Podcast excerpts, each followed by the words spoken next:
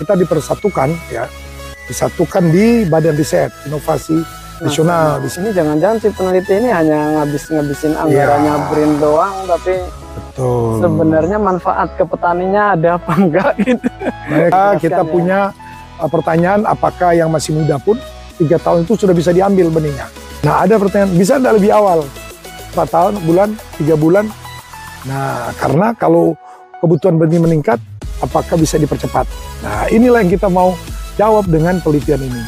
Nah kalau kalau mau baca-baca sekarang perkembangan ada sedikit anu bukan miskomunikasi tapi salah anu, salah masih Mungkin belum konsepnya ketemu karena belum memang ketemu. anu ya, Karena ada kata kunci yang tidak berlaku sekarang apa itu? ya kolaborasi. Jadi sayangnya kalau ini kolaborasi yang sebenarnya hasil riset ini bisa dimanfaatkan oleh yang memang eh, melakukan diseminasi dan itu sampai ke masyarakat. Apalagi sekarang sudah seperti yang kita lakukan sekarang. Saya sangat bersyukur dan tidak pernah menolak kalau diminta eh, narasumber untuk podcast. Ini salah satu upaya diseminasi. Ini seminasi, kalau tidak dengan ini tidak nyampe. Ini baru sementara penelitian aja kita sudah podcast kan, kita sudah sebarkan kan. Nanti hasilnya kita diseminasikan lagi Tidak lagi. ya, Pak. Iya, jadi tidak Paling- tersimpan di meja peneliti, ya kan? Tidak Harus bisa terus. Selamat datang di panggung penyuluhan Siniar Penyuluh Pertanian Kebumen. Sahabat tani, ini saya lagi duduk santai di lokasi sebenarnya tidak santai nih, lokasi yang serius ini. Serius, serius dong. Lokasi Ya. yang serius. Bersama bintang tamu kita yang tidak asing lagi adalah Pak Dr. Ismail Maskromo. Assalamualaikum warahmatullahi wabarakatuh. Waalaikumsalam warahmatullahi wabarakatuh. Ini sahabat tani pastinya yang nyimak panggung penyuluhan sudah tahu persis siapa beliau. Tapi saya ngulas nih. Beliau namanya ada di sini karena beliau adalah penanggung, penanggung jawab lokasi penelitian. Ya. Bapak Dr. Ismail Maskromo MSI. Beliau itu sebagai periset Pak Ismail ya. Iya, alhamdulillah.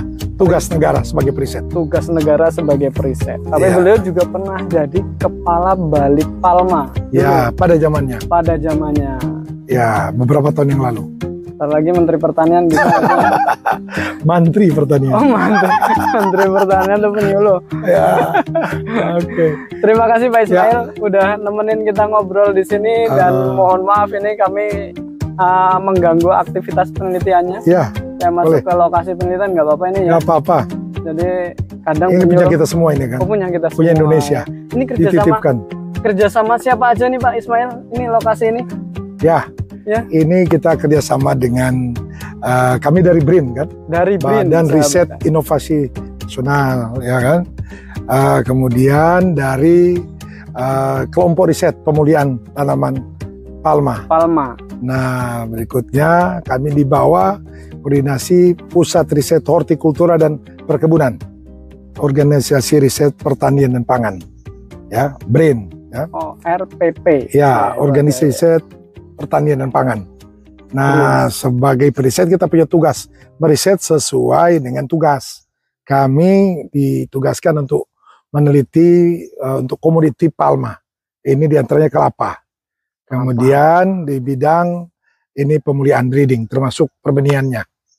Itu. Jadi penelitian ini ini biaya memang dari BRIN ya. Dari eh, biaya dari BRIN ini dari LPDP yang kita lakukan di pertengahan tahun ini 2023. 2023 dan insya Allah berakhir di Mei 2024 ya hampir setahun kita. Jadi kegiatan ini kegiatan yang eh, kita lakukan bekerjasama dengan di sini ada penangkar ya, Penangkar. penangkar Ini tepatnya Jadi, di Desa Prasutan ya, Pak, Prasutan ya ini ya? Prasutan, Kecamatan Ambal, Kabupaten Kebumen tentunya. Kebumen ya. Jadi ini kerjasama dengan Dinas Pertanian dan Pangan. Pangan ya Kabupaten Kebumen. Kabupaten Kebumen. Ini ada teman-teman yang eh, diharapkan kita mencoba eh, menyelesaikan ya, mencari solusi beberapa permasalahan pada kelapa ya. Ya, terutama kelapa genja. Ya, kelapa genja yang kita kategorikan ini kelapa unggul. Unggul dan eksotik. Genja Kenapa? Entok Kebumen. Ya, salah satu genja entok Kebumen. Ya. Karena selain di Kebumen kita punya di penelitian yang mirip-mirip ya, tapi dengan materi yang berbeda yaitu di eh, Medan ya, di Labuan Batu, kemudian ada di Buleleng, Bali. Ini saya baru dari Bali, ya, Ya, dari ini Buleleng. periode yang sama dengan di lokasi Ya, ini ada tiga lokasi. ada tiga Satu lokasi. Indonesia. Satu Indonesia, kita itu kerjasama. bawah penelitiannya Pak Ismail semua. Ya, karena bersama tim kita, Hmm. tim periset. Jadi eh, kita mencoba mau menjawab, ya, ataupun mencari jawaban melalui riset mengenai apa yang eh, masih ragu-ragu atau dipertanyakan terkait benih ini, ya. Benih ini kan berujung pada kualitas. Selain kualitas genetik, ya, kualitas, Kualitas fisik fisiknya juga, juga. gitu. Jadi ini yang kualitas eh, fisik ini yang kita coba lihat dari apa namanya eh, daya kecambahnya, kecepatan berkecambah itu dua hal yang kita jawab. Kemudian kita ingin menjawab nanti untuk benihnya ini umur berapa ini siap dipindah ke lapang yang paling tepat. Dari hasil yang dipetak sini. Di lokasi Iya, sini ya. lokasi ya. Jadi ada pertama dijawab tadi ingin melihat umur berapa eh, berapa namanya pohon induk itu ya bisa diambil benihnya. Kan ada eh, apa namanya informasi-informasi kita terima kelapa dalam itu di atas 15 tahun. Hmm. saat dia stabil. Kelapa genja dulu kita tahu sekarang apa waktu itu eh, Di di, atas atas 10 tahun. 10 tahun. Ya, Baru itu dengan di beberapa alasan. Kematangan secara itu tanamannya ya. Kalau tanaman sudah eh, apa namanya? sudah berproduksi stabil, itu menjadi eh, dasar pada saat kita mau tetapkan. Tapi pada saat kita membutuhkan benih yang banyak, ya pertanyaannya apakah pada pohon yang relatif muda, pada pohon yang relatif muda ini bisa anu apa namanya sudah pak bisakah diambil eh, benihnya? Nah itu yang kita harus jawab dengan penelitian ya karena tidak bisa kita nebak-nebak. Sekarang sudah ada eh, aturan bahwa setelah tiga tahun berbuah sudah bisa diambil berproduksi. Tapi Waduh. belum ada kajian ataupun hasil penelitiannya. Gitu. Demikian juga pada saat kita ber, mulai pertanyaan kalau bibit di lapang itu umur yang tepat Ideal. untuk pindah, ya kan? Apakah harus di apa idealnya kan waktu lalu itu enam bulan, ya kan? Tapi kenyataannya bisa lebih dari itu dipindah. Seperti apa kondisinya uh, pada saat ataupun kualitas benih pada saat dipindah. Nah ada pertanyaan bisa tidak lebih awal empat tahun, bulan, tiga bulan? Nah karena kalau kebutuhan benih meningkat, apakah bisa dipercepat? Nah inilah yang kita mau jawab dengan penelitian ini. Nah Detail kalau itu digunakan sekali. ditanam, nanti di lapang seperti apa penampilannya? Ya, apa yang lebih muda ini tidak baik atau relatif sama atau bahkan lebih baik ya kan dari eh, yang sudah dilakukan selama ini. Jadi yang bis ingin kita jawab ini adalah pertanyaan-pertanyaan yang nanti saya kira ini menjadi juga mendukung regulasi Regulasi dari, apa namanya Kementerian Pertanian. Kementerian Pertanian khususnya Direktorat- yang ya, Direktorat ya. Perbenihan ini harus punya penelitian kita untuk bisa menjawab ini. Kalau hanya pendapat saya kira Artinya- tidak cukup. Artinya semua semua kebijakan pemerintah itu harusnya harusnya itu ada ada dasar penelitian Iya. yang kuat ya. Ya, Nggak semestinya hanya begitu. saya kira di negara-negara negara maju ya, semua berbasiskan riset. berbasis Ya kan nggak bisa riset. kita hanya mengira-ngira atau kena- berdasarkan. kenapa kita punya BRIN ya? Iya, saya kira. ini mungkin sahabat tani, para petani sekalian tadi udah dijelaskan banyak ternyata yang harus dijawab oleh seorang periset karena memang banyak pertanyaan di di dunia pertanian itu yang Ya, kadang jawabannya ternyata bukan hasil penelitian. ya, Jawabannya adalah hasil paling kuat hasil pengamatan petani gitu yang Ya. yang tidak ada basic penelitian secara ilmiahnya gitu ya. ya. Pendapat riset bisa juga Pendapat berdasarkan riset. logika. Logika. Ya, Nah, kalau adanya BRIN, ini memang tugasnya kayak Pak Ismail dan teman-teman itu harus detail tahu ada ada metode penelitiannya ya, khusus seperti itu ya. ya, Pak Ismail, ya. Karena memang sebelumnya sih eh, riset ini ada di berbagai kementerian sesuai dengan ya Ada sesuai dengan Pertanian, ya itu latar juga. belakang itu ya kan latar belakang topik permasalahannya atau bidangnya itu kita berada di kementerian-kementerian sebelumnya ya. Iya. Nah melalui aturan baru kebijakan kita dipersatukan ya disatukan di Badan Riset Inovasi Nasional. Di situ BRIN. uh, berbagai periset ini dari berbagai uh, kementerian ini digabung dan kita bercoba berkolaborasi ya menjawab ya pertanyaan terkait permasalahan itu juga kita coba mengimprove ini ya yang sudah ada bagaimana meningkatkan dan tentunya juga mencari ide-ide baru ya untuk membuktikan dengan penelitian mengenai uh, bagaimana memajukan Indonesia uh, secara umum melalui kajian riset gitu. riset. Nah ini kan sahabat Tani ini udah dijelaskan tugasnya memang peneliti itu penelitian gitu sahabat Tani. Jadi penelitian yang dilakukan ini Pak Ismail untuk kelapa ini untuk palma ada tiga lokasi untuk tahun ini ya. Pak Ismail. Satu di Kebumen. Ya. Ini nelitinya peningkatan daya kecambah dan kecamatan, kecepatan berkecambah ya. benih kelapa genja entok kebumen karena memang sentranya di sini makanya milih di sini ya, ya.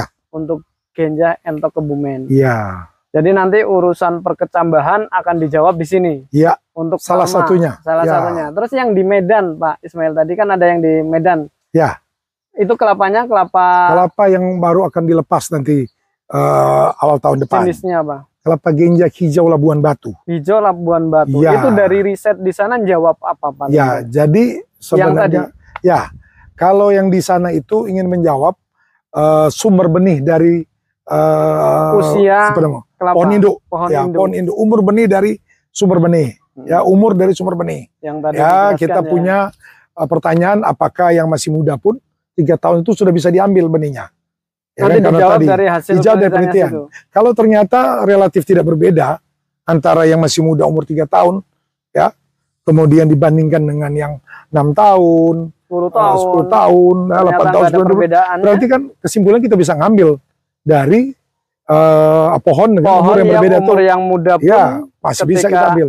Dibenihkan dari hasil penelitiannya menjadi sama kualitas Iya, dengan syarat dia harus matang fisiologis matang benihnya fisiologis sudah siap memang itu. Jadi harus sama kematangannya, bedanya umur Umurnya. pohon sumber benih. Melihat umur sumber benihnya ya, yang gitu. di Labuan, yang Labuan Batu. Batu. Kalau yang di sini, yang kita tahu dari teman-teman di sini di Penangkar bahwa genja entok ini kan punya kelebihan, ya, ya. cepat berbuah, batangnya kecil, buahnya besar, buahnya besar, dagingnya tebal.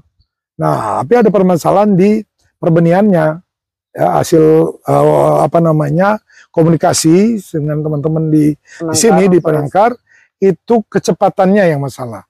Jadi umur dua bulan baru mulai berkecambah, gitu ya. Umur dua bulan baru mulai, mulai tadi perkecambahan. Kemudian rata-rata relatif juga sedikit, ataupun di bawah standar eh, apa namanya daya tumbuhnya, daya tumbuhnya, gitu, daya kecambahnya. Yang normalnya kan itu sekitar 80 paling bagus di atas 80 Nah, ini kalau tidak kita cari masa apa cari solusi permasalahan ini bisa menjadi hambatan dan menurunkan semangat para penangkar para ini untuk uh, berarti laporan dari penangkar selama ini daya kecambahnya di bawah 80 iya di bawah 80 makanya penelitian dengan menunggu waktu cukup lama dua bulan baru mulai kecambah. Padahal syarat di perkecambahan itu dia paling maksimal tiga bulan. Kalau tidak tumbuh dalam tiga bulan berarti itu kita sudah harus buang. Harus dibuang. Ya, direject ya istilahnya ya. Nah, dengan adanya uh, ide kita untuk mencoba mempercepat, ada perlakuan yang kita berikan melalui metode perendaman menggunakan satu bahan ya, bahan organik. Nah, diharapkan dia bisa mempercepat. Hmm. Ya, kita rendam dulu, kemudian kita semai. Dan ini sudah mulai kelihatan. Sudah di bulan mulai. kedua ini sudah ada uh, apa namanya plot percobaan. Satuan percobaan kita ini yang di atas 60 persen. Ya, di pas hari ini saya kira dua hari lagi karena berusia dua bulan perkecaman kita karena Oktober tanggal 20 kemarin di Semai 60 sekarang memasuki Desember tanggal 20 baru belum ada dua bulan belum ada ya. dua bulan padahal sebelumnya ini baru akan mulai berkecambah baru di mulai berkecambah dua bulan di tersebut dua bulan gitu. jalan gitu ya dan pembandingnya yang kontrol memang um, belum ada yang banyak. sama sekali belum berkecambah ada yang baru hanya satu dua yang berkecambah berarti ada indikasi penelitian kita ini memberikan manfaat. hasil manfaat. Artinya nah. dengan tadi ada perlakuan di sini sahabat tani perlakuan perendaman benih sebelum ya. di semai ternyata ya. walaupun ini belum launching ya hasilnya karena ini kan ya. baru jalan ini sahabat. Baru tani. jalan. Baru jalan nanti kapan-kapan kalau memang sudah ada publikasinya kita podcast lagi Oh iya, Jadi menyampaikan ya. apa? hasilnya hasil ya, yang memang sudah benar-benar wajib kita teruji ya bahwa apa yang kita peroleh dari lokasi ini maupun dua lokasi lainnya di Medan maupun di Bali ya Iya. di Buleleng Bali harus kita publikasikan dan ini diharapkan memberi manfaat kepada para petani penangkar terutama. penangkar ter- Yang- termasuk pengambil kebijakan. Oh iya, Iya. pengambil kebijakan ini diharapkan melalui hasil penelitian ini bisa menjadikan sebagai dasar untuk regulasi, regulasi. membuat aturan-aturan ya, peraturan menteri terkait dengan apa namanya Syarat PIT budidaya, tadi misal ya. syarat PIT, kemudian teknik eh, bagaimana melakukan eh, penyemayan Penyemayan. gitu. Bagaimana nanti eh, untuk pembibitan ataupun apa ya, pemindahan kecam, eh, bibit ya ataupun Ke lapangan benih ya, berapa paling ideal. benih cikal itu ke lapang itu eh, melalui penelitian ini akan terjawab. Ya kan? Umur berapa yang paling tepat? Ya kan? Oke. Kalau yang di Buleleng neliti apa nanti? Buleleng Menjawab apa itu, Pak? itu ada dua di Buleleng.